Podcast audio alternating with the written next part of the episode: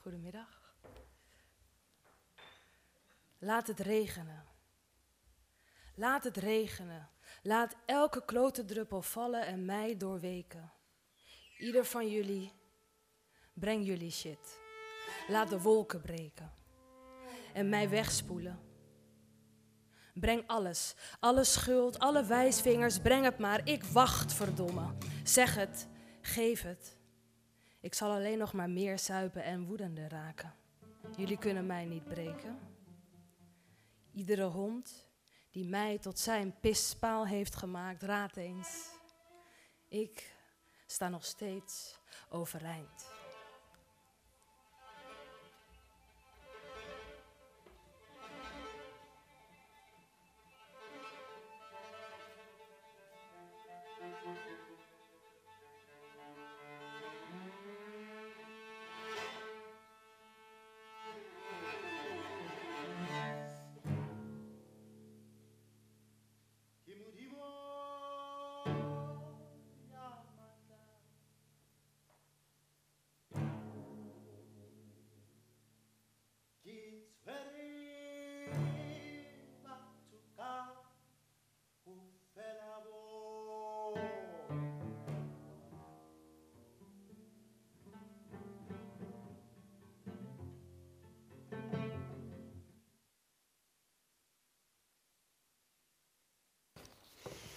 Thank you, Abel. Wat een begin, dames en heren. Ik wou gewoon zeggen goedemiddag, heel hartelijk welkom. Maar dat hoeft natuurlijk nu helemaal niet meer. Ik ga het toch doen. Ik uh, ga u door de rest van de middag heen loodsen. Mijn naam is Mirjam van Hengel. Ik maak en presenteer deze reeks Expeditie Poetry. En dit is alweer de vierde aflevering over de poëzie van Zuid-Afrika. Ik sta nog steeds overeind, hoorde u net. Uh, dat is een gedicht van Ronelda Kamfer, die komt straks terug. Uh, jonge dichter, zult u meer van horen. Uh, wie ook terugkomt is Esther Duisker, daar straks ook meer over, meer over haar. Wie ook terugkomt is natuurlijk Abel. Die is uh, cellist, is Zuid-Afrikaan. Dat hij hier is, is behoorlijk uitzonderlijk, want wij hebben gewoonlijk geen gasten uit het buitenland. Ik heb ook niet altijd muziek bij deze reeks. Uh, maar dat is omdat we voor vandaag samenwerken met het festival On The Roof. Een muziekfestival voor jazz en wereldmuziek. Uitgevoerd natuurlijk op een roof in Amsterdam-Noord.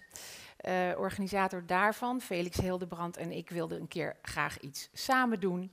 En zo hebben we gezamenlijk Abel kunnen laten overkomen. Niet uit Zuid-Afrika, maar uit Londen, waar hij woont. En werkt. Gisteren heeft Abel, naar begreep, zelfs op On the Roof het dak eraf gespeeld. Uh, dat zal hier niet zomaar lukken, maar mooi wordt het zeker. Hij studeerde aan het uh, Royal Manchester College of Music. En het leuke is dat hij zowel klassiek als wereldmuziek speelt, als African songs. En hij speelt even makkelijk Brahms als dat hij improviseert. Nou ja, u hebt het in die paar minuten al gehoord. Deze man kan alles. Hij kan ook zingen. Gaan we straks allemaal nog horen. Ik ga wat zeggen over de reeks. Waar uh, gaat deze reeks eigenlijk over? We doen iets volkomen onmogelijks. We gaan in anderhalf uur de poëzie van een heel taalgebied in kaart brengen. Omdat dat niet kan, u gaat straks merken hoe kort anderhalf uur kan zijn, u schrikt waarschijnlijk zelf, doen we dat alsof we zogenaamd op reis zijn. Dus we kijken een beetje rond, we zien hier wat, we zien daar wat, we kijken door onze camera en kijken weer om naar de volgende. We pikken er een paar dingen uit. Ik heb voorheen in de Nieuwe Liefde programma's gemaakt die steeds inzoomden op één dichter. En nu zoomen we in feite juist uit. Het is een hele wijde blik, dus we kijken zo ver mogelijk om ons heen. Om even te laten zien waar we dan zo al komen en tot nu toe geweest zijn, laat ik jullie... Ja, dit is de wereldkaart. Dit was de eerste aflevering. Perzië, Perzische literatuur. De tweede Suriname? Ja, ik wacht even of het land hoor. Dit hebt u dus allemaal al gemist, hè? De derde, dat was natuurlijk helemaal een, een, een, een eitje, een makkelijke opgave. De literatuur van China, die niet alleen eeuwen oud is, maar ook een enorme uh, uh, continent omvat. En dan gaan we nu dus naar Zuid-Afrika. Goed. Op reis heb je gidsen nodig. Ik nodig steeds gidsen uit, mensen die specialist zijn in de betreffende poëzie en cultuur en literatuur. Soms kenners, soms moedertaalsprekers. Vandaag is misschien een beetje anders dan anders. Om te beginnen is Abel er, die natuurlijk ehm, in een andere taal spreekt, maar wel de taal van dit land, Zuid-Afrika, maar dan in muziek. Um, bovendien, van China wist ik zelf echt van die poëzie heel weinig. Dus dat was ook, daarin had ik echt mensen nodig uh, die dat helemaal, helemaal gingen uitleggen. Zo iemand heb ik nu ook, ga ik zo uh, vertellen. Maar ik ben zelf op een of andere manier ook altijd uh, in aanraking gekomen, steeds weer met tussenpozen. Met die Zuid-Afrikaanse poëzie. Al in de jaren negentig uh, zat ik in de redactie van een tijdschrift, nodigde dichters uit. Samen met Poetry International, Lesego Rampol Rampolokeng, Gert Volknel was er toen, Sandile Dikeni, een heleboel jonge Zuid-Afrikaanse dichters. En hier in De Nieuwe Liefde hadden we ook al eerder Antje Krog en vorig jaar Breiten Breitenbach. Dus die Zuid-Afrikaanse poëzie komt gewoon steeds terug. Vanzelf bijna. Dat geeft mij een bruggetje naar de foto's die u ziet. Ja, we gaan naar de volgende. Er is namelijk hier iemand vanavond of vanmiddag bij wie zijn aandacht voor Zuid-Afrika ook steeds hernieuwd werd. En dat is fotograaf Ad van Denderen. Wat u hier ziet zijn foto's uit zijn project Welcome Today. Het is een fotoboek Um, en daar is op dit moment, dat zal ik straks nog herhalen, ook een tentoonstelling van in het Stedelijk Museum. Omdat hij er is, ga ik niet uitleggen wat dit is, maar vraag ik hem heel even naar voren, als je dat wil, Ad. Ja, welkom. Ik zou zijn zeggen, welkom today. Dat is uh, natuurlijk een voor de hand liggende grap. Wil jij zelf even vertellen wat dit project behelst? Uh, uh, Jij ik hou hem wel okay. vast hoor. Nou goed. Um, het was in de jaren negentig dat ik met uh, Margoliet Kleinweg, schrijver, uh, journalist van Vrij Nederland, uh, zijn we ooit vertrokken naar Zuid-Afrika om een goudmijnstad vast te leggen daar. Goudmijnstad, welk? En die heette Welkom in de Free State. Ja. Hè? En goed, dat hebben we, we zijn daar toen twee maanden gebleven. Ik ben in 91 nog een keer teruggegaan en toen is er een tentoonstelling geweest in Nederland en in Londen, National Portrait Gallery. Dat was het. Ja. En in 2015 kreeg ik een mail van een, ja, een 35-jarige man destijds. En die was, mijn, die was fotografie gaan studeren op de academie in Kaapstad. Mhm. En die kwam mijn boek in de library tegen.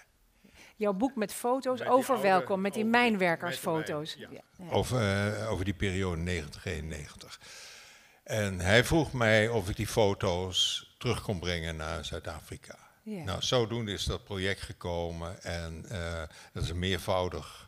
eh, lijnen zijn er uiteindelijk uit voortgekomen. Ik bedoel, we hebben gedurende zes weken workshops gegeven in drie verschillende scholen. Eh, daar zit die fotografie in van de leerlingen. Ik ben in archieven gaan zoeken. Ja. En zowel de zwarte man eh, die in de township opgroeide, eh, die is gaan fotograferen. En ik ben ook weer opnieuw gaan fotograferen. En dat is uiteindelijk een boek geworden. Dat heet Welcome Today. Ja, want het project behelst eigenlijk dat dit boek en ook de tentoonstelling nu in het stedelijk, daar staan die foto's in die je destijds gemaakt hebt, de oude zwart-wit fotografie, en de foto's die veel recenter zijn, aangevuld nog met weer foto's door jongeren die je daar de lessen hebt gegeven. Het zijn verschillende foto's, de foto's die je destijds maakte en die je onlangs maakte. Kun je iets zeggen over wa- wat, je, eh, wat dat voor, voor jou het verschil eh, was? Nou, ik denk dat dat eh, zeker in 90, 91, dat ik veel meer vanuit een journalistiek perspectief fotografeerde. En dat het nu wat. Ik ben natuurlijk al in 25 jaar ook wel iets veranderd. Nou, Dus, het land is ook behoorlijk veranderd. Ja, dat kan je zeggen. Maar ik bedoel, het is natuurlijk, ja, god, het was apartheid. En Ja. dat, dat drukte wel behoorlijk daar. Ja, Ja, dat was ja, verschrikkelijk. eh. ja. En dit, want jij koos deze foto uit om, eh, als ik jou iets zou vragen, om te laten zien. Ehm, wat kun je daarover zeggen? Nou, ik, ik, ik, ik, eh, ik vond het vooral een hele bijzondere foto. En het was ook wel een foto. Want Mandela was net vrij. Ja, En goed, drie jaar later zou dan officieel de apartheid afgeschaft worden. En het was eigenlijk een soort confrontatie. Ik was zeg maar, met die drie mannen op de voorgrond, was ik eigenlijk de hele tijd een beetje aan het praten. En de een die was een beetje in de keuken bezig, dat is in een hostel. Zag er totaal verwaarloosd uit. Ja. Eh, ja, er leefden nog een paar mensen. En toen kwam in één keer die fietser, die kwam van rechtsaf in fietsen. En ja, die, die ziet mij er staan. En er kwam, in die tijd kwam daar dus nooit een eh, wit iemand. Nee. Nee. En dus dat was een totale confrontatie Ja, eigenlijk. ja. En eh, ik vond het ook wel heel mooi van licht. Ja. Maar goed, dat is ja, het is een schitterende foto. Heel veel dank. We gaan nog foto's. Ja, dankjewel. Applaus. Even dank voor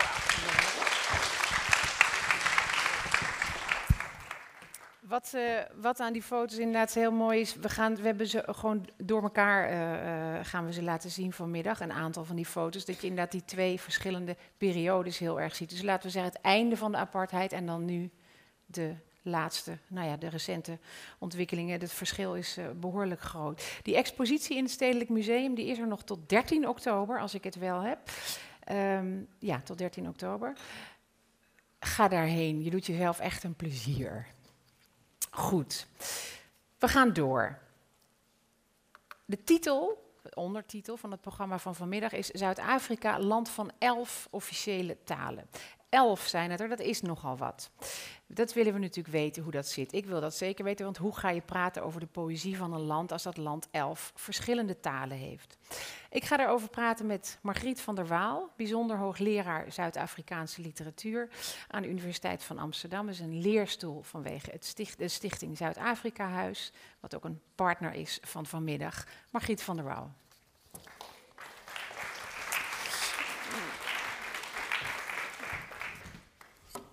Dankjewel. Kijk, jij hebt de boeken. Als het goed is, heb ik de vragen. Welkom. Dankjewel, Mirjam. Hoe gaan we dit nu aanpakken? Ja, ik ben een beetje nerveus, want jij zei anderhalf uur en we willen heel graag veel poëzie horen en veel muziek horen. Eh, en het is heel ingewikkeld om al die complexiteiten van Zuid-Afrika uit te leggen. Dus ik weet niet zo heel goed, maar je moet Ja. me maar onderbreken als het te lang wordt. Ja, nou, la- ja we, dus we gaan gewoon, wat ik in het begin heb gezegd, het kan niet wat we willen. Dus ik ga je gewoon een paar dingen vragen, zodat we een beetje een context hebben van waar die poëzie vandaan komt. En ik wil natuurlijk om te beginnen even vragen hoe dat zit met die elf verschillende talen. Eén land waarin elf officiële talen bestaan. Welke zijn dat zo al? Wil je alle elf weten? Weet niet, willen jullie alle elf weten? De grootste is eh, Zulu, Xhosa, Afrikaans, Ndebele, Engels, eh Sepedi, Sesotho, Setswana, Venda, Shangaan, thanks. No, uh, Shangaan and Tsonga are the same. Tsonga. That's the same. No, and that's not an official language uh, in South Africa. Um, in uh, gebarentaal. Oh We ja. vergeten een kleintje. Ik moet even heel goed nadenken. We maar, gaan het op, Oké, ja. we gaan verder. Ja, nou ja, dat zijn er dus veel, waarvan er, wij gaan bijvoorbeeld vanmiddag, ook al door al de omstandigheden, maar eh, twee, een beetje drie talen horen. Het zijn natuurlijk talen die, ehm, behalve dat ze bij verschillende eh, bevolkingsgroepen horen, horen ze ook bij verschillende sociale groepen en zijn ze heel erg politiek geladen. We, dat Zuid-Afrikaans is natuurlijk de taal die wij kennen, omdat we dat deels kunnen verstaan. Wat is daar dan de achtergrond van? Daar wordt heftig strijd over gevoerd op dit moment, wat het achtergrond nou precies is.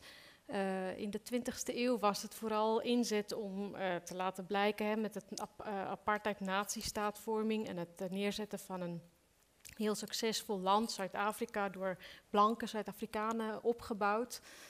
Alle, zicht, eh, alle zwarte werk onzichtbaar naar de achtergrond eh, geduwd.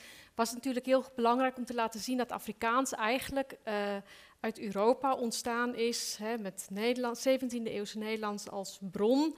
En dat daaruit, met een beetje invloed van hier en daar, dat een eigen nieuwe taal ontwikkeld is. Ja, Maar in de laatste 20, 30 jaar wordt veel meer aandacht besteed aan eigenlijk de contactsituatie in Zuid-Afrika met verslaafde mensen die uit eh, de Verre Oosten naar Zuid-Afrika gebracht zijn, die een soort eh, Portugese eh, Creool sprak en hun eigen taal. ja.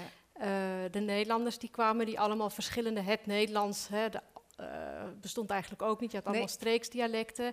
Eh, er waren soldaten en ambtenaren en VOC-mensen uit Denemarken en Duitsland en Frankrijk en zo meer.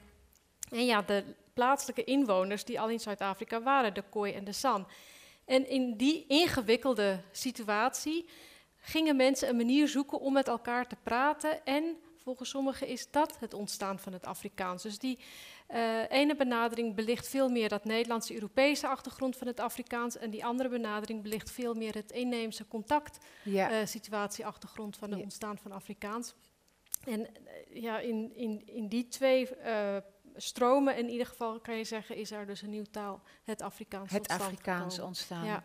Wat Maar- trouwens ook niet één taal is, maar Nee. verschillende talen. Want het is toen in de loop van de 20e eeuw is het ook weer gezuiverd van allerlei eh, gekleurde elementen. Hè. Dat idee dat het een kitchen Dutch was of een, eh, een taal die eigenlijk alleen maar door de laagste eh, delen van de bevolking werd gesproken. Daar is flink afstand van genomen. Het moest een ambtelijke taal zijn die alle functies van een modern land en staat kon eh uitvoeren. Ja, want het was natuurlijk een officiële taal. En, en ja, de ambtelijke taal van de 1925, regering. ja. Eh, En- maar en, en is dus gepoogd om eh, andere varianten van het Afrikaans zo snel mogelijk buitenspel te zetten, zodat er maar één standaard versie van het Afrikaans erkend zou worden. En dat was dan de versie die door de witte ambtenarij en de elite in Pretoria en Kaapstad gesproken werd. En als we het hebben dan over literatuur, bijvoorbeeld over poëzie, is dat, houdt dat zich aan die ene officiële vorm of gaat dat ook alle Niet kanten? meer. Niet meer, Ja. maar dat was wel zo. Eh, grotendeels ook natuurlijk niet uitsluitend, want water vloeit waar het niet kruipen kan. Ja. Ehm, eh, mensen eh, drukken zichzelf voortdurend uit om betekenis aan hun ervaringen te geven. Maar of ze toegang tot eh, hè, de, institutionele gatekeepers waren heel succesvol om allerlei eh, niet-standaard stemmen buiten Ja. uit te sluiten. En dan heb je, want we, hebben, eh, we gaan straks wat Afrikaanstalige dichters horen. Die zijn hier eigenlijk het meest bekend. Ja. En Engelstalige. Ja. Hoe verhoudt zich dat tot elkaar? Want Engels is ook een belangrijke taal weer voor een andere groep. Ja, en Engels kan je echt zeggen is in Zuid-Afrika de lingua franca. Dat is de taal waarin handel wordt gedreven. Het is de taal waarin de recht wordt gesproken. Het is de taal van de dagelijkse interacties tussen eh, de meerderheid van de Zuid-Afrikanen. Maar het is niet ieders moedertaal. Het is maar Nee. de vijfde taal als het over moedertaalsprekers gaat in Zuid-Afrika. Dan is het de vijfde taal. Ja, Ja. Ja. Oh ja. En wat zijn de eerste vier talen? Wat is de... ik was hier al bang voor. Ik weet even niet waar de vierde is. Maar de eerste drie zijn Xhosa, eh, Zulu, Xhosa en Afrikaans. En dan Oh ja, de vierde is Zulu, ik- Afrikaans Ja, en dan nog eh, iets anders misschien nog één en dan Engels. Ehm, ja. Maar en, en net zoals met Afrikaanse eh, poëzie had je in het Engels dichters, ja, koloniale dichters natuurlijk, die over die koloniale ervaring schreven. Eh, maar je had in de 20e eeuw ook dichters die zich eh, eigenlijk een beetje, of de ene school eigenlijk was, hè, eh, kunst is autonoom en het moet niet in dienst staan van iets anders. En dichtkunst is de grootste kunstvorm waarin die persoonlijke ervaring tot uitdrukking kan komen. En een andere groep zei, Amahula, eh, wij moeten weerstand gaan bieden en we kunnen juist de esthetische vorm van taal heel goed gebruiken ja, in een situatie waar allerlei andere vormen van uitdrukking ons onder, eh, weggenomen worden ontnomen zijn. om ons eh, tot uitdrukking te brengen. Dus je had zeg maar modernistische eh, poëzie in het Engels en Ja. in het Afrikaans en je had strijdpoëzie in het In Engels, het Engels en in het Afrikaans. En dat werd mensen soms heel moeilijk gemaakt. Mensen werd in exile het land uitgejaagd, in de gevangenis gestopt, censuur werd toegepast. Ja, je kunt wel, ik bedoel, de hele politieke strijd in Zuid-Afrika, de hele geschiedenis, die zit dus ook in die taalstrijd, in die hele constructie. Ja. Ik ga, ja, ik ga een soort eh, tempo opvoeren. Nee, ik wil je even iets voor. Ik sprak met, de- zijn naam gaat nog voorbij komen, met Alfred Schaffer, Ja. Zuid-Afrikaanse dichter die ook lang hier gewoond heeft. ehm, eh, in Nederland. En ik, sprak- ik had contact met hem over die recentste Zuid-Afrikaanse poëzie en vroeg hem naar al die andere talen. Waarop hij antwoordde, hij schreef, wat je vraag van onlangs betreft, al die dichters die in diverse Zuid-Afrikaanse talen dichten, zijn hier in Zuid-Afrika ook grotendeels onbekend.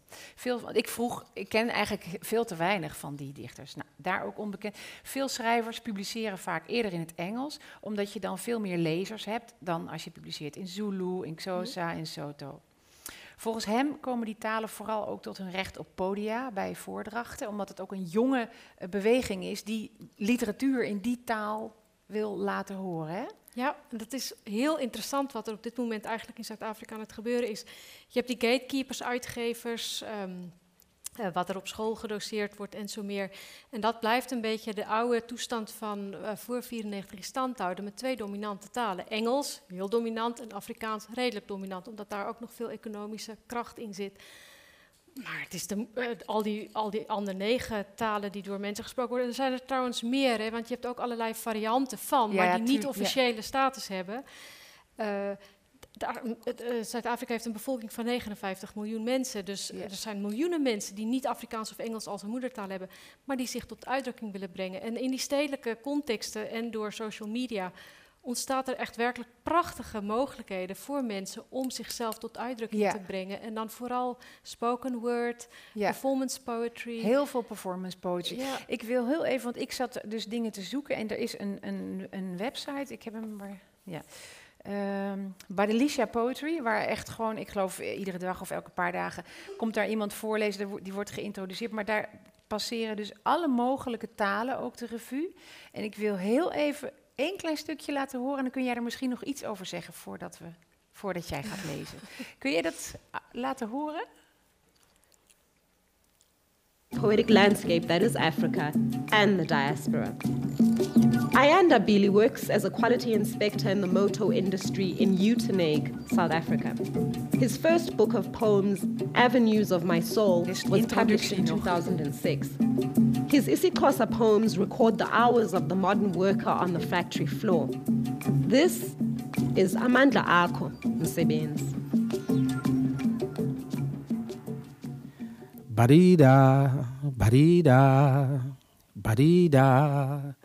Amandla akho omsebenzi yinzuzo kwabaphosa imali engxoweni nevuzayo bonwabile benoyolo ingeniso yenzayo mihla nezolo.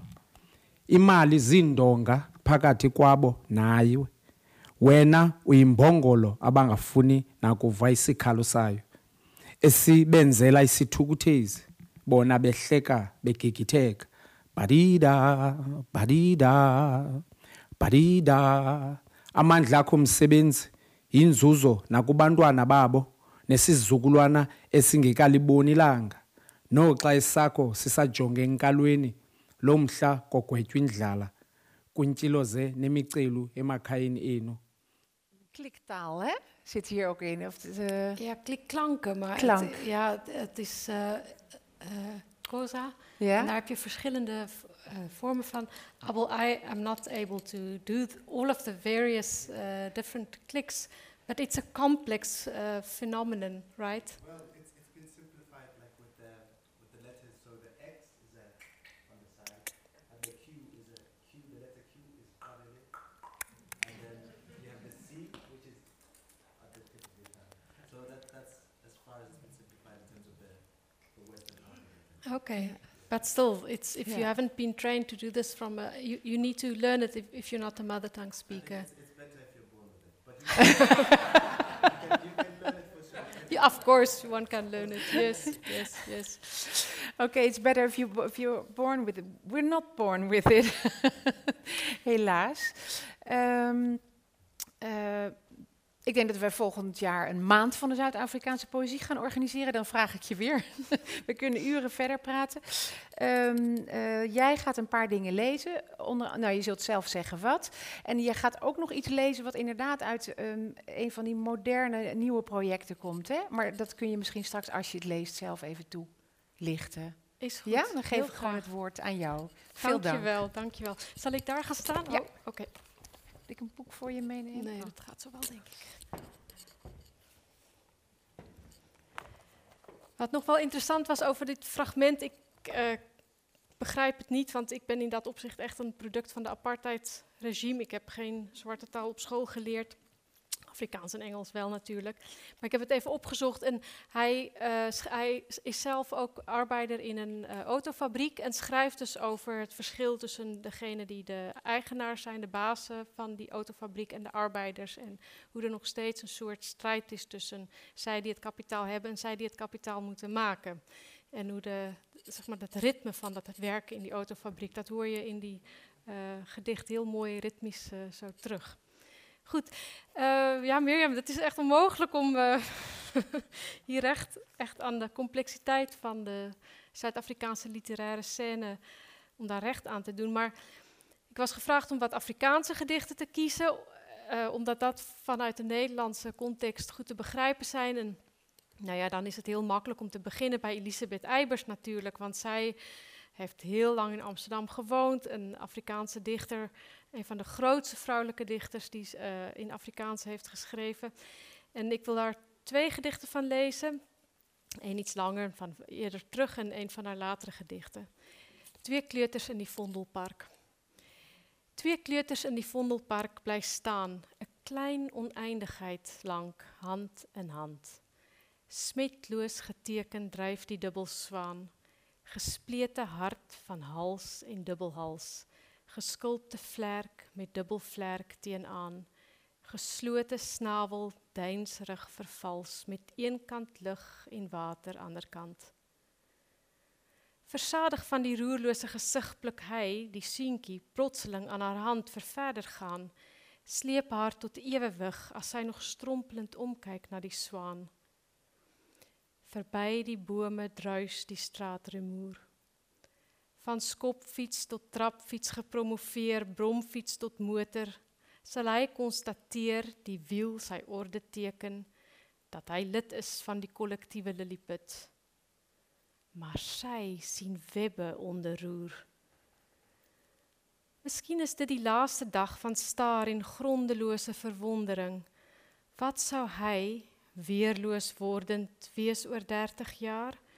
'n Saaklike barbaar, 'n fyn sadis, 'n doktrinêre Hollandse meneer en sy 'n druk slagvaardige mevrou met 'n allure van dit is soos dit is. Die swaan bly in sy dubbelbeeld gekeer. En dan uh, uit een veel meer recente bundel van haar, Meteorologie. En dat is prachtig omdat hier ook een soort klein menselijk opstand in, maar toch dan weer heel nietig eigenlijk.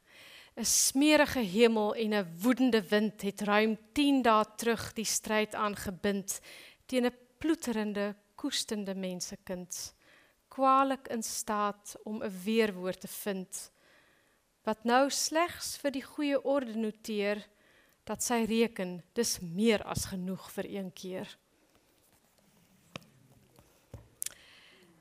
Uh, dan wou ik een gedicht lezen van Bruiten Breitenbach. Hij wordt volgende week 80 jaar oud. Uh, dat is natuurlijk heel uh, feestelijk. En dit is zijn nieuwste dichtbundel, Op weg naar Q. een dichtbundel die doordrenkt is van de bezinningen van een ouder wordende man... die zijn eigen eindigheid in de ogen kijkt en ziet. En daar op een prachtige, metaforische en bijna medita meditatieve wijze over schrijft fluittaal as ars moriendi. Daarom is skrywe my ander taal. Ek bedoel om vir jou te skrywe in my hart se verfluistering of om die dood te verlyf met fluitetaal is om te soek na die gedig se gelaat. Ek sweer met die hand in die vuur. Dig is 'n beskrywing van die gedig in al haar naakte geledinge dat sy haar om mag draai om die nag in die oë te kyk sodat jy toegelaat word om haar woorddiepte weer en weer in ootmoed te vereer.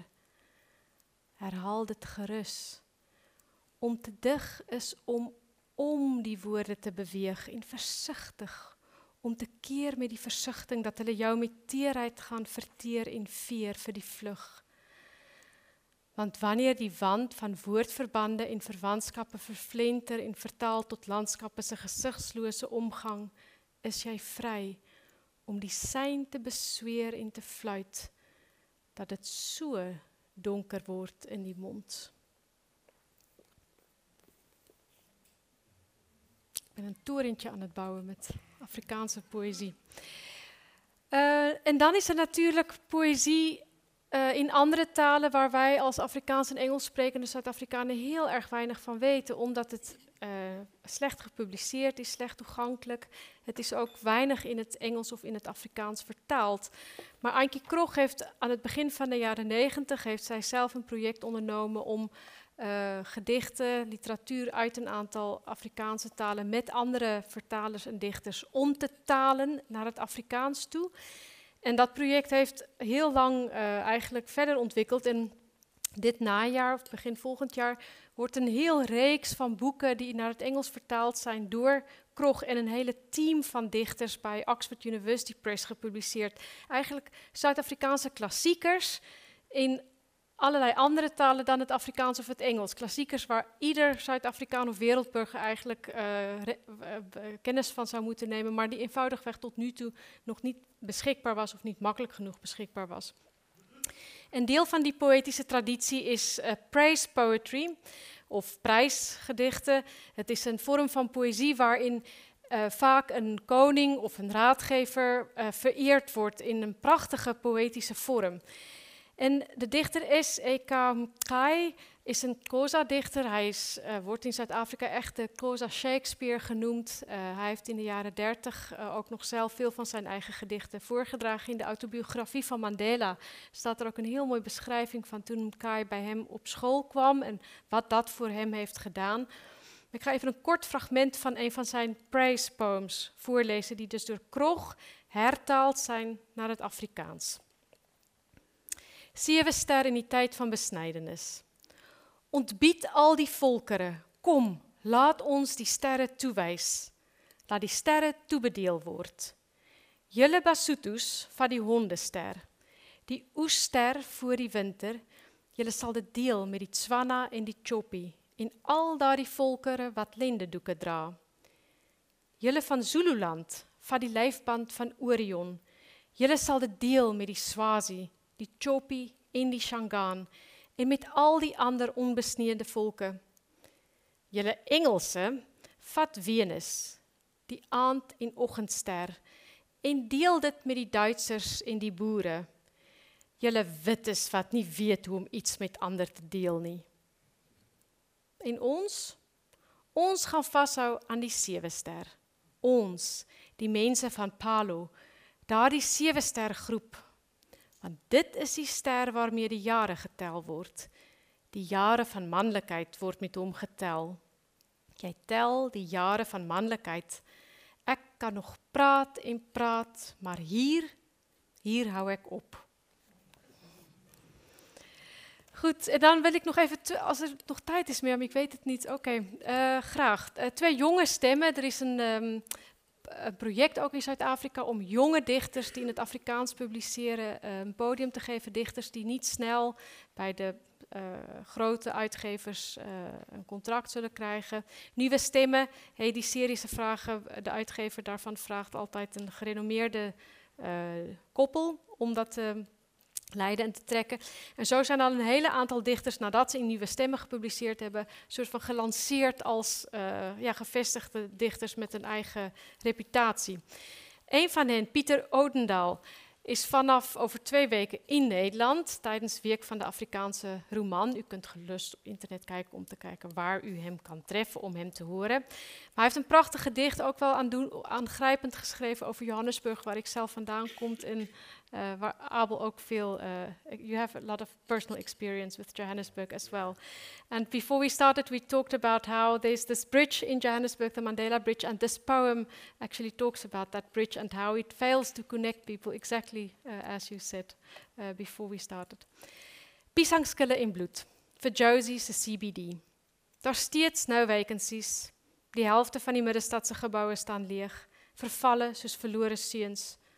Presidentstraat lê vol mielieblare, stronke en piesangskille en leë meelsakke en ouens wat hul sheltergeld weer uitgedrink het. Die kolletjie onder Abdullah Han blanket sal vanaand moet suffice. Straatligte skel geel nes die pisreuk wat tussen bankkantore lê. Al die ATMs is toe.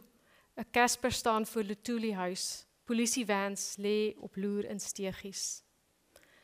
Ek ruik ook ja, vars geparste jacaranda bloeisels na die reën. Maar die renjaars op teer is apathiese knersers van geur.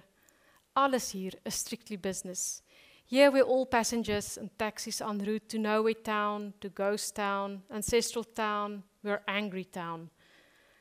Want die Mandela-brug kan nie die gap tussen bo en onder, tussen oud en jonk, tussen ons en die kweri-kweri oorsteek nie. Nog die gate tussen die rassiste en knoeiers, tussen buitelanders en hustlers en guzzlers en gangsters. Die travelers sonder interstelle visie wat ons kaal vreet soos hyenas, terwyl die red ants undesirables elders verplaas. En oral om ons lê jou uitskot, Josie, soos lotto nummers wat anyway nooit sou wen nie. En dan wil ek afsluit met 'n pragtige jonge debuut, uh, Phillips. Ehm um, 'n jonge vrou uit de Kaap. Sy skryf in het Kaaps, dus 'n ander variant van het Afrikaans, maar in dit dichtbundel van haar radpraak uh, minder.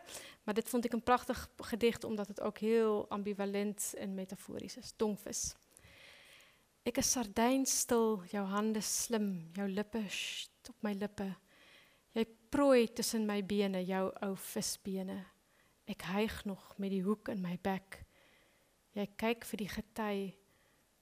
Die see raak ontstuimig as jy visvrou naby Romansbaai se rotse kom. Ek hoor jou lem skerp. Ek hoor jou oor my meeu. Jy vat my. Jy vlek my langdradig, sny jy langs my kiewe. Al langs my pens, daar lê my binnegoed, stom.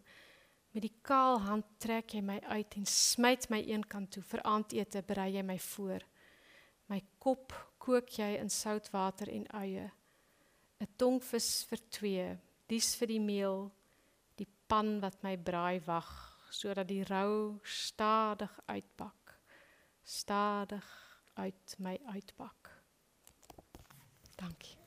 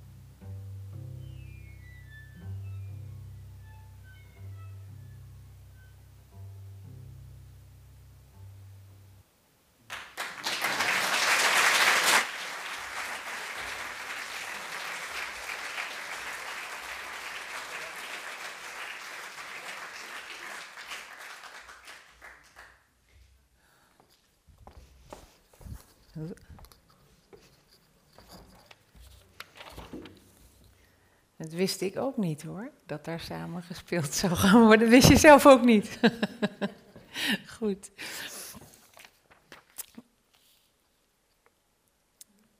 Ja, we gaan toch weer door.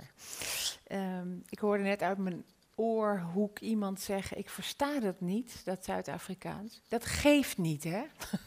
Als u het niet verstaat, moet u gewoon doen alsof het muziek is en dan hoort u iets heel moois.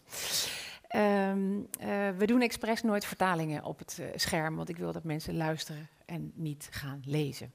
Daar zijn de meningen altijd over verdeeld, maar ik blijf daarbij. Er ligt een handout, dus als u wil weten wat u hebt gehoord, welke schrijvers, kunt u altijd thuis verder gaan lezen, want daar komen die namen allemaal op voorbij. Ehm, we gaan door en dan dus in Nederlandse vertaling, zodat we ook kunnen horen wat vertalers vaak voor prachtig werk doen. Want zelfs met het Zuid-Afrikaans, waarvan je heel veel herkent, zijn de nuanceverschillen natuurlijk enorm. En een goede vertaler die daar weer een mooi Nederlands gedicht van maakt, die doet ook uh, uh, buitengewoon mooi werk. Dus we gaan naar Nederlandse vertalingen luisteren. Die worden voorgelezen door, u hoorde haar net al, Esther Duisker. Esther Duisker is toneelschrijver en scenarist. Schrijft voor de, onder andere voor haar eigen theatercollectief Sir Duke. Sir Duke, zeg je dat? Ja. Voor Oerol, Theater Frascati. Ze maakte een hoorspel van De Kleurling van Monkau. Um, oogste succes met haar uh, bewerking van A Raisin in the Sun en de hertaling van Othello voor het Nationale Theater. Ja, haar teksten worden altijd geprezen om het poëtisch gehalte. En daarom dacht ik al, ze houdt ook van poëzie. Ze leest veel poëzie, houdt onder andere van Ingrid Jonker. Dat gaan we zo horen. We hebben samen de selectie gemaakt voor vanmiddag. We konden natuurlijk nauwelijks kiezen, hebben dat toch gedaan. Uh, Esther begint met gedichten van Ingrid Jonker en Antje Krog. Gaat dat een beetje afwisselen. De vertalingen zijn van Robert Dorsman voornamelijk en uh, Gerrit Komrij. De Ingrid Jonker vertalingen zijn van Gerrit Komrij. Um, maar eerst luisteren we nog even naar een stem die u waarschijnlijk herkent. Nelson Mandela, die iets vertelt over Ingrid Jonker en haar gedicht Die Kind, The Child, dat leest hij. En dat was bij het begin van Zuid-Afrika's eerste democratische parlement in mei 1994. Dus over hoe politiek en poëzie samen kunnen gaan.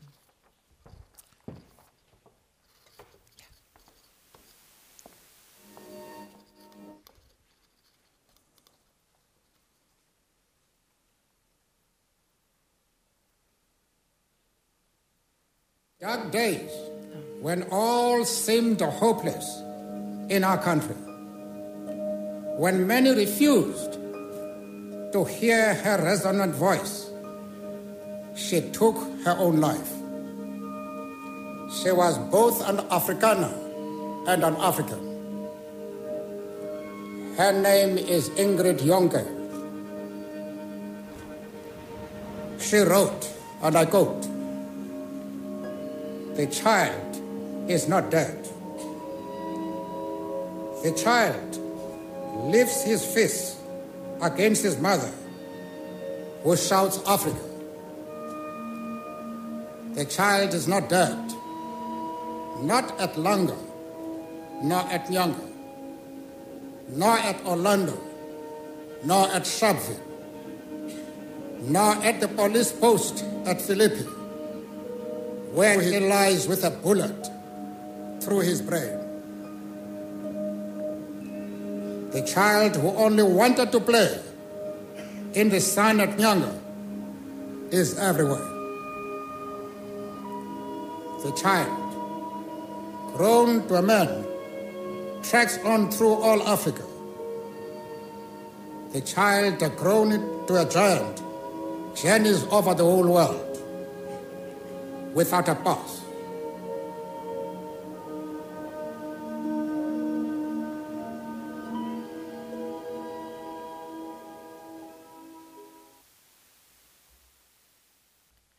Het kind is niet dood.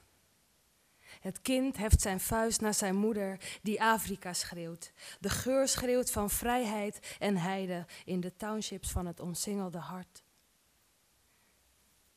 Het kind heft het vuist. Pardon. Het kind zijn vuist naar zijn vader. In de optocht van de generaties die Afrika schreeuwen. De geur schreeuwen van gerechtigheid en bloed. In de straten van zijn gewapende trots. Het kind is niet dood.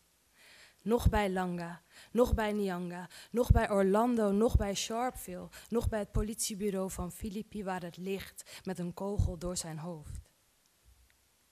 Het kind is de schaduw van de soldaten. Op wacht met geweren, panzerwagens en knuppels. Het kind is aanwezig bij alle vergaderingen en wetgevingen. Het kind loert door de vensters van huizen en in de harten van moeders. Het kind dat alleen maar wilde spelen in de zon bij Nyanga overal. Het kind dat een man is geworden trekt door heel Afrika. Het kind dat een reus is geworden trekt door de gehele wereld. Zonder pas.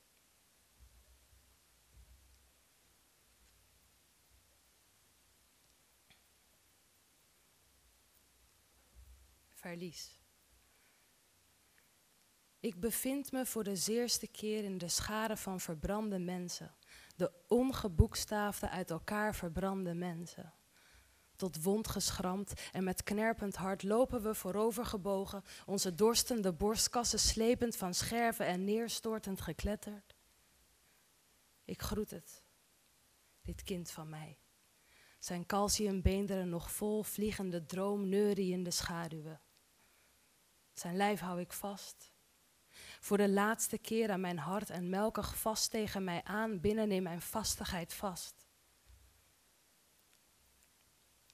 Als ik me losmaak, ben ik korter, huileriger, krankender en zomaar uitgedund. Wieg ik vleugeloos op mijn voeten, mijn liefde stekend als een naald en tot eeuwige machteloosheid gekneusd. Hij draait, zijn, hij draait zich om naar zijn tassen en mijn lijf scheurt van voren naar voren open. De naden van mijn armen barsten open en kwetsen bloedend achter zijn liefhebbende nabije lijfelijkheid aan. Zijn lijf zijn de lijfheid die uit mij geworden is. Uit alles wat gloeiend als kool in mij was en onbevaren, onaflosbaar, openbarend was zijn lijvende geliefdheid. Dit kind dat ik ook met mijn armen heb gekoesterd en zijn luidkeelse, heel huid zingende wangen. Kind, kind van mijn borst, laat me niet alleen. Mij en dit brandende, ontwoorden, onuitgesproken, godvergalde vaderland. Hm.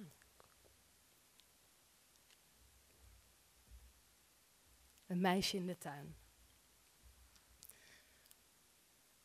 Een meisje speelt onder de melkhoutboom.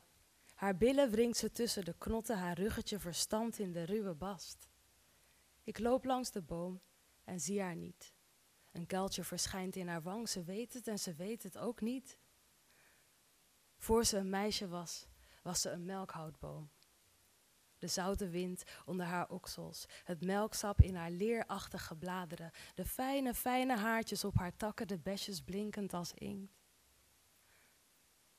Een meisje speelt in een melkhoutboom. Ze bouwt een nestje voor zichzelf waarin ze twee eitjes legt. Een groepje brilvogeltjes motregent over de boom. Een kuiltje verschijnt in haar wang. Ze weet het en ze weet het ook niet.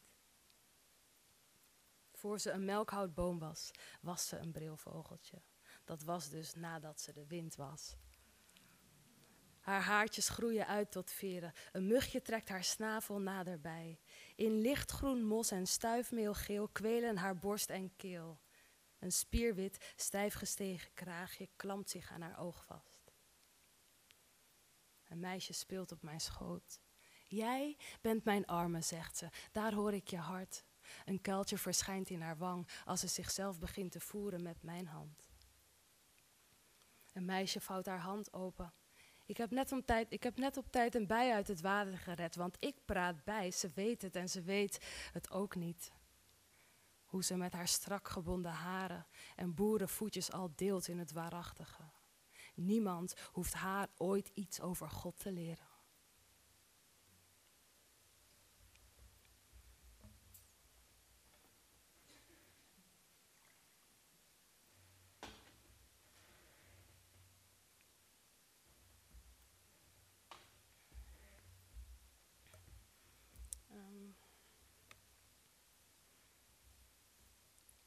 Drijf op de wind voor Anna.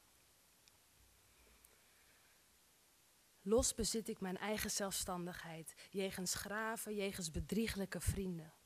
De vuurhaard die ik getroost heb, gluurt naar me.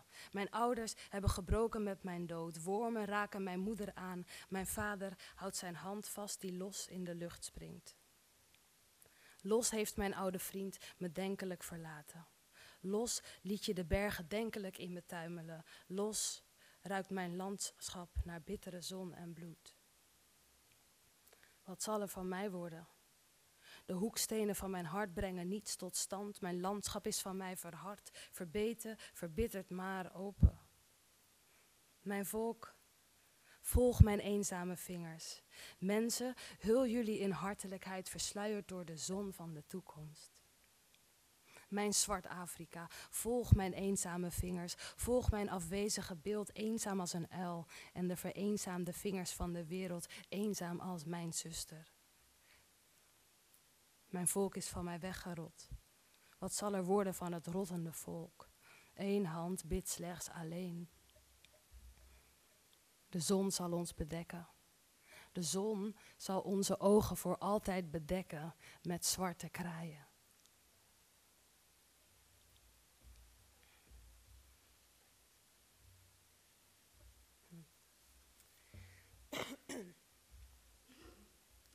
Zondagmiddag eten. Iedereen is thuis, ik kook. De wereld als voedsel is een vermenselijkte wereld. Koken is een daad van hoffelijkheid.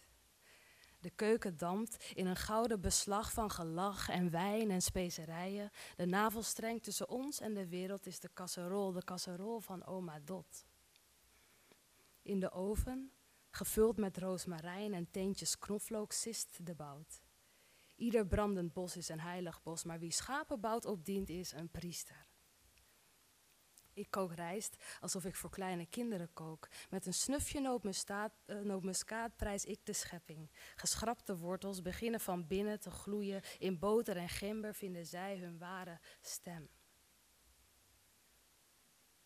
Boontjes in witte peper en venkel gedompeld. Een slalepel ontbloot een flits van een krent, de zacht klikkende juwelen van naakte olijf, kersttomaat en amandel. Het diepste wezen van de pompoen komt op tafel. Het eten van werelds overvloed is een dierbare wereld.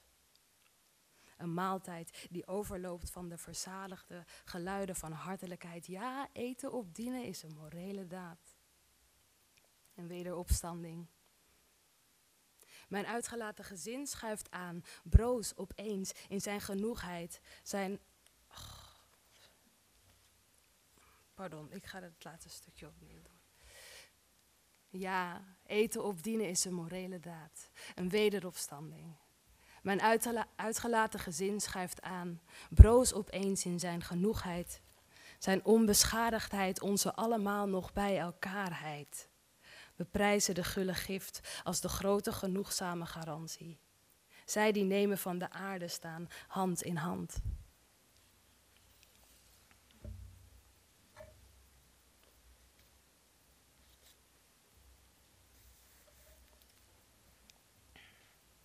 Ik herhaal je. Ik herhaal je. Zonder begin of einde herhaal ik jouw lichaam. De dag kent een smalle schaduw en de nacht gele kruisen. Het landschap is onaanzienlijk en het mensdom een rij aan kaarsen, terwijl ik jou herhaal met mijn borsten die de holtes van jouw handen imiteren.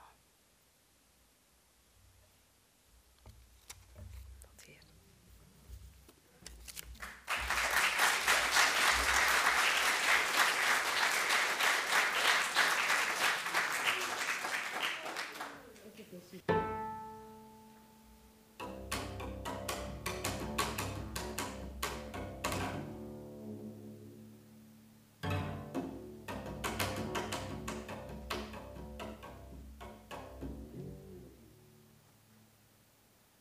para que mostrar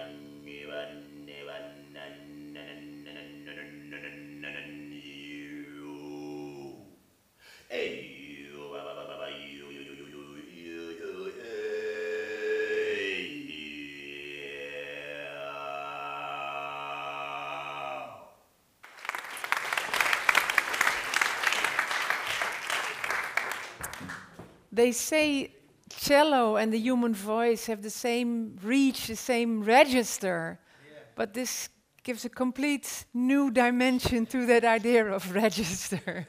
Wonderful. Another wonderful voice. Weer nog een hele bijzondere nieuwe stem. Um, een van de meest interessante dichters van Zuid-Afrika van dit moment, vind ik. Ik ben echt onlangs van mijn sokken geblazen door haar werk. Dat verontrustend en indringend en van een wonderlijke, vanzelfsprekende schoonheid is. U gaat haar zo meteen zelf horen voordragen in een filmpje. In een van haar meest sprekende gedichten, Water. Wat behoorlijk wat storm deed opsteken in Zuid-Afrika. En de oude tegenstellingen tussen zwart en wit op een krachtige, maar ook weer confronterende manier aanwezig stelde. Zij heet Koleka Putuma. Ze zou dit jaar komen optreden in Rotterdam bij Poetry International, maar kreeg geen visum, kwam niet. Wel werden er vertalingen al gemaakt van haar werk, die dus nog nooit gebracht zijn door Alfred Schaffer. Die hebben wij wel, dus we hebben ook nog een primeur. Um, die vertaling hebben we hier en daar zal Esther er een paar van lezen. Ze leest ook nog werk van uh, de dichter, van uh, dichteres waar ze mee begon, Ronelda Kamfer. Ook een jonge zwarte vrouw, ook een heel oorspronkelijke stem. Dus Koleka Putuma en Ronelda Kamfer door Esther Duisker. Maar eerst even Koleka Putuma zelf.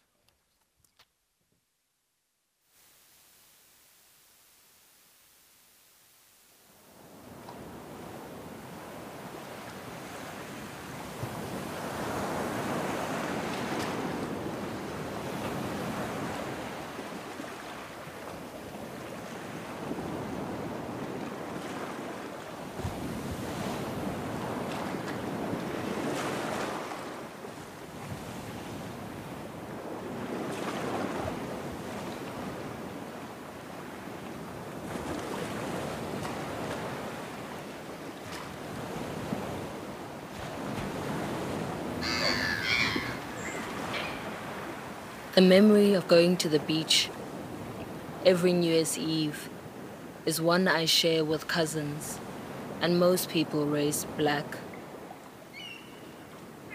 How the elders would forbid us from going in too deep, to giggle, to splash in our black tights and ShopRite plastic bags wrapped around our new weaves forbid us from riding the wave for fear that we would be a mass of blackness swept by the tide and never to return like litter. The elders forbid us as if the ocean has food poisoning. I often wonder why I feel as if I am drowning every time I look out into the sea. This and feeling incredibly small. And I have often heard this joke about black people being scared of water or not being able to swim. We are mocked, and we have often mocked ourselves for wiping our faces the way that we do when we come out of water, compared to how they do it all Baywatch like, and how we so ratchet like with our postures and kink. Every time our skin goes under, it's as if the reeds remember that they were once chains, and the water, restless, wishes that it could spew all the slaves and ships onto shore, whole as they had boarded, sailed, and sunk. Their tears are what have turned the ocean salty. This is why our irises burn every time we go under. Every December 16th, December 24th, December 31st, our skin re traumatizes the sea. They mock us for not being able to willingly throw ourselves into something that was instrumental in trying to execute our extinction. For you, the ocean is for surfboards, boats, tans and all the funky stuff you do under there in your bathing suits and goggles. But we, we have come to be baptized here. We have come to stir the other world here. We have come to connect our living to the dead here. Our respect for water is what you have termed fear. The audacity to trade and murder us over water, then mock us for being scared of it. The audacity to arrive by water and invade us. If this land was really yours, then resurrect the bones of our colonizers and use them as a compass. Then quit using black bodies as tour guides or the site for your authentic African experience. Are we not tired of dancing for you, gyrating and singing on cue? Are we not tired of gathering as a mass of blackness to atone for just being here? To beg God to save us from a war we never started, to march for a cause caused by the intolerance for our existence. Raise our hands so we don't get shot. Raise our hands in church to pray for protection, and we still get shot there too. With our hands raised. Invasion comes so naturally for your people. So you have come to rob us of our places of worship too. You have come to murder us in prisons too. That is not new either. Too many white people out here acting God. Too many white people out here doing the work of God. And this God of theirs has my tummy in knots. Him and I have always had a complicated relationship. This blonde hair and blue-eyed Jesus of my Sunday school has had my kind bowing to a white and patriarchal heaven, bowing to a Christ, his son and twelve disciples. For all we know, the disciples could have been queer. The Holy Trinity is a weird, twisted love triangle. And the Holy Ghost transgendered, but you will only choose to understand the scriptures that suit your agenda. You have taken the liberty to colonize the concept of God, give God a gender, a skin color, and a name in a language we had to twist our mouths around. Blasphemy is wrapping slavery in the gospel and calling it freedom. Blasphemy is having to watch my kind use the same gospel to enslave each other. Of Elijah, we have been engineered to kneel to whiteness, and we're not even sure if the days of Elijah even existed because whoever wrote the Bible did not include us. But I would rather exist in that godless holy book than in the history books that did not tell the truth about us, for us, on behalf of us. If you really had to write our stories, then you ought to have done it in our mother's tongues, the ones you cut off when you fed them a new language. We never consent, yet we are asked to dine with the oppressors and serve them forgiveness. How? How? When the only ingredients I have are grief and rage. Another one who looks like me died today. Another one who looks like me was murdered today by your kind. May that be the conversation at the table, and we can all thereafter wash this bitter meal with amnesia and go for a swim after that, just for fun. Just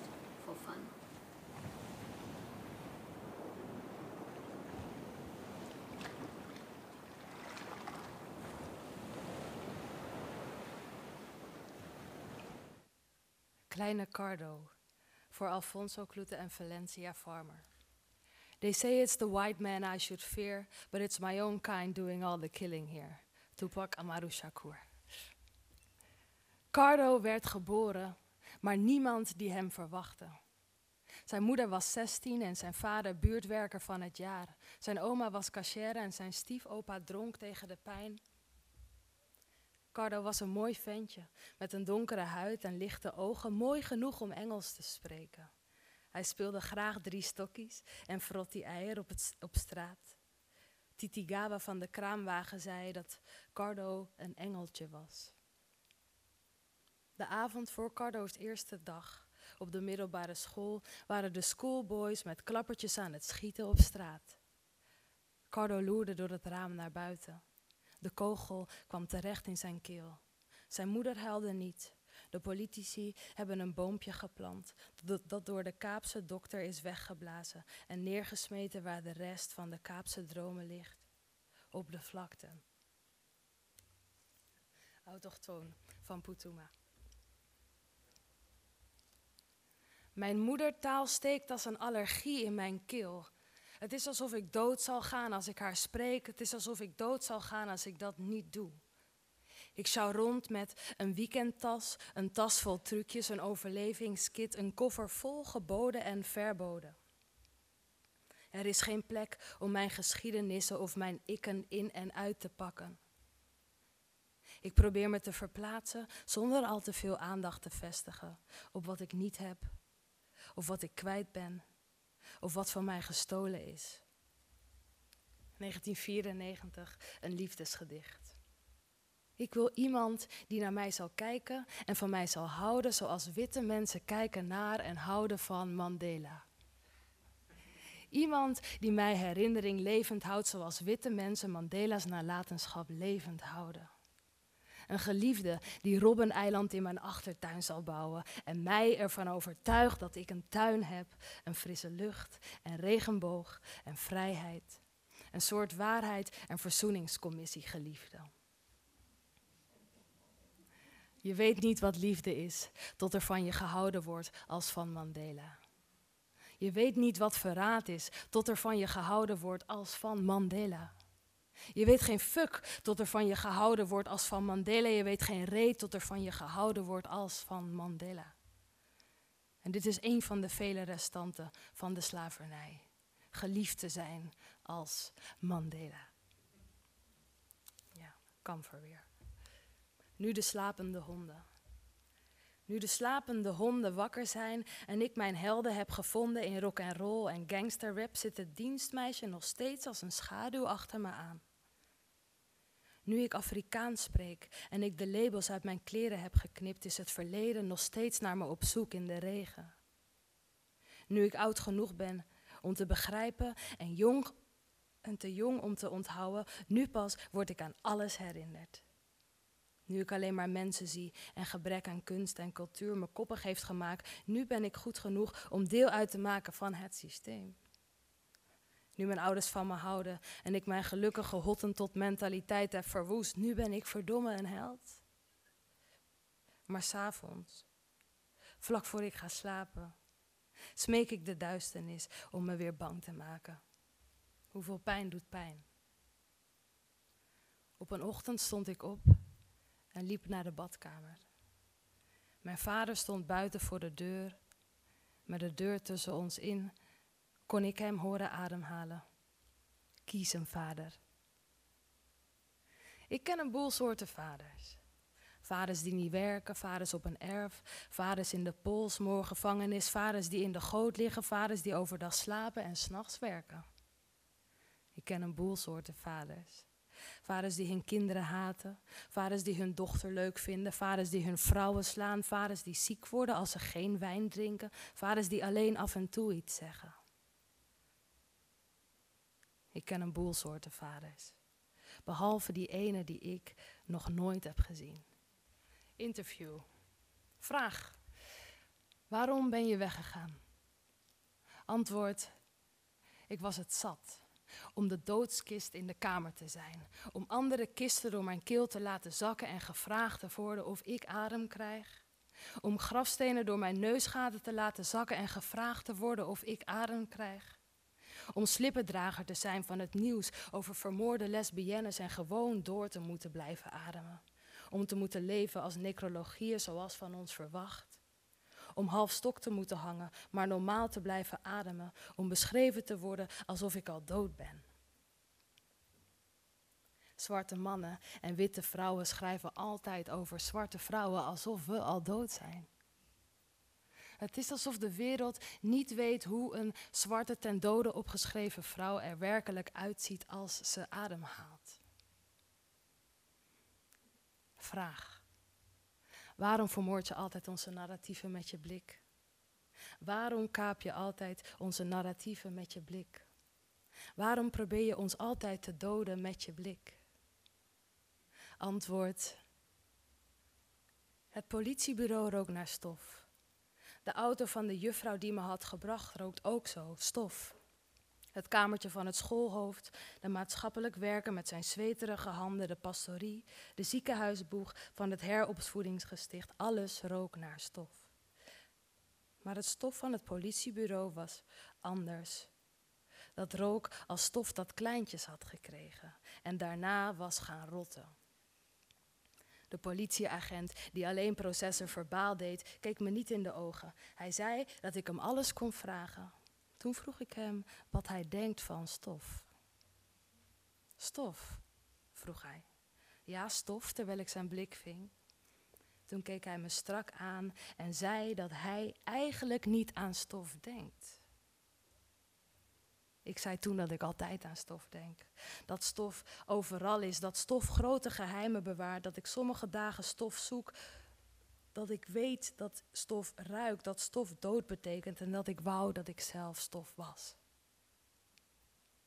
Ik vertelde hem niet dat stof niet tot stof kan vergaan. Maar mensen wel, voegde hij er snel aan toe. Ja, zo zie je maar weer hoe waardeloos mensen zijn, die nooit eens aan stof denken. Hier wil ik graag mee afsluiten. Thuiskomen. Die ene keer in je kantoor, roekeloos uitgestrekt dwars over je deadlines, vreeën we alsof we door de wolven werden opgejaagd. Alsof de wolven bij ons op je bureau waren, alsof de wolven in onze handen zaten, cirkelend rond onze klitten en druipend over onze benen. Alsof de wolven in onze monden zaten, vlees en bot verslindend. Ik wist niet hoe uitzinnig ik kon zijn tot jij mij aanraakte. Ik wist niet dat klaarkomen ook een overlevingsdaad kon zijn. Dank jullie.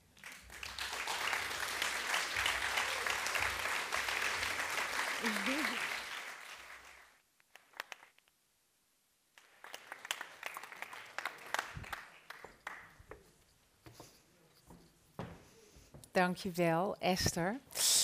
Um, wat er ook nog is in die Zuid-Afrikaanse literatuur, is wat daar heet rijmkletsers. Rijmkletsers, hè? De rappers, dat is ook fantastisch. Alleen al de namen van de rappers zijn fantastisch. Hemelbezem bijvoorbeeld, Jitsvinger. Van Jitsvinger had ik een filmpje. Daar gaan we niet meer naar luisteren. Dat kunt u zelf opzoeken. Kunt u gewoon gaan googlen. Ik wil heel graag vragen of Abel nog een heel klein stukje wil spelen. Would you please finish the afternoon with a little bit more music? Yeah. Thank you so much. Thank you.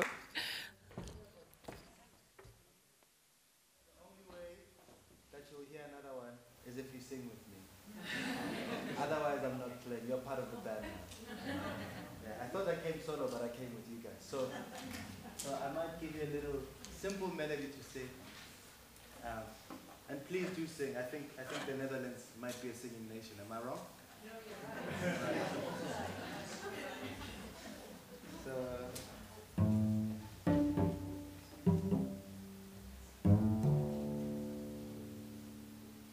Okay, so we're gonna split the room into two. There's a lovely lady with an almost green shirt, and she's your leader for this group. Just follow whatever she does, okay? It's very simple for you guys. to go.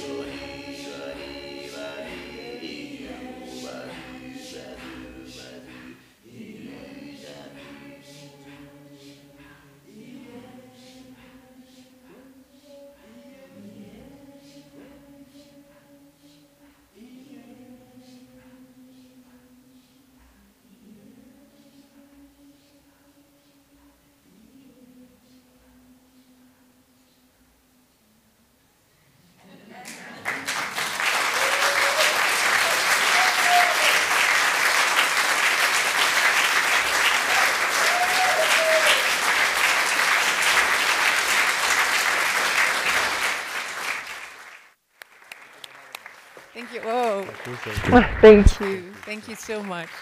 Thank you, Abel. Dank u wel allemaal voor uw aandacht. Plunder de boekenkraam van Perdu Boekhandel. Die hebben al die dingen van het stofgedicht van Ronelda Kamfer tot al die gedichten van Antje Krog. De melkhoutboom van het meisje dat het wel weet of niet weet. Ehm, ga naar het Stedelijk Museum. Het boek van de tentoonstelling was hier, is kwijt, is misschien gevonden. Als het niet hier is, ga dan naar het, naar het Stedelijk Museum en koop het daar. Ehm, wij gaan verder, niet vandaag, maar volgende maand. Eerst met Syrië in oktober en dan met Latijns-Amerika in november. Wees welkom, kom vooral een keer terug en zie ik u graag nog een keer. Dank u wel.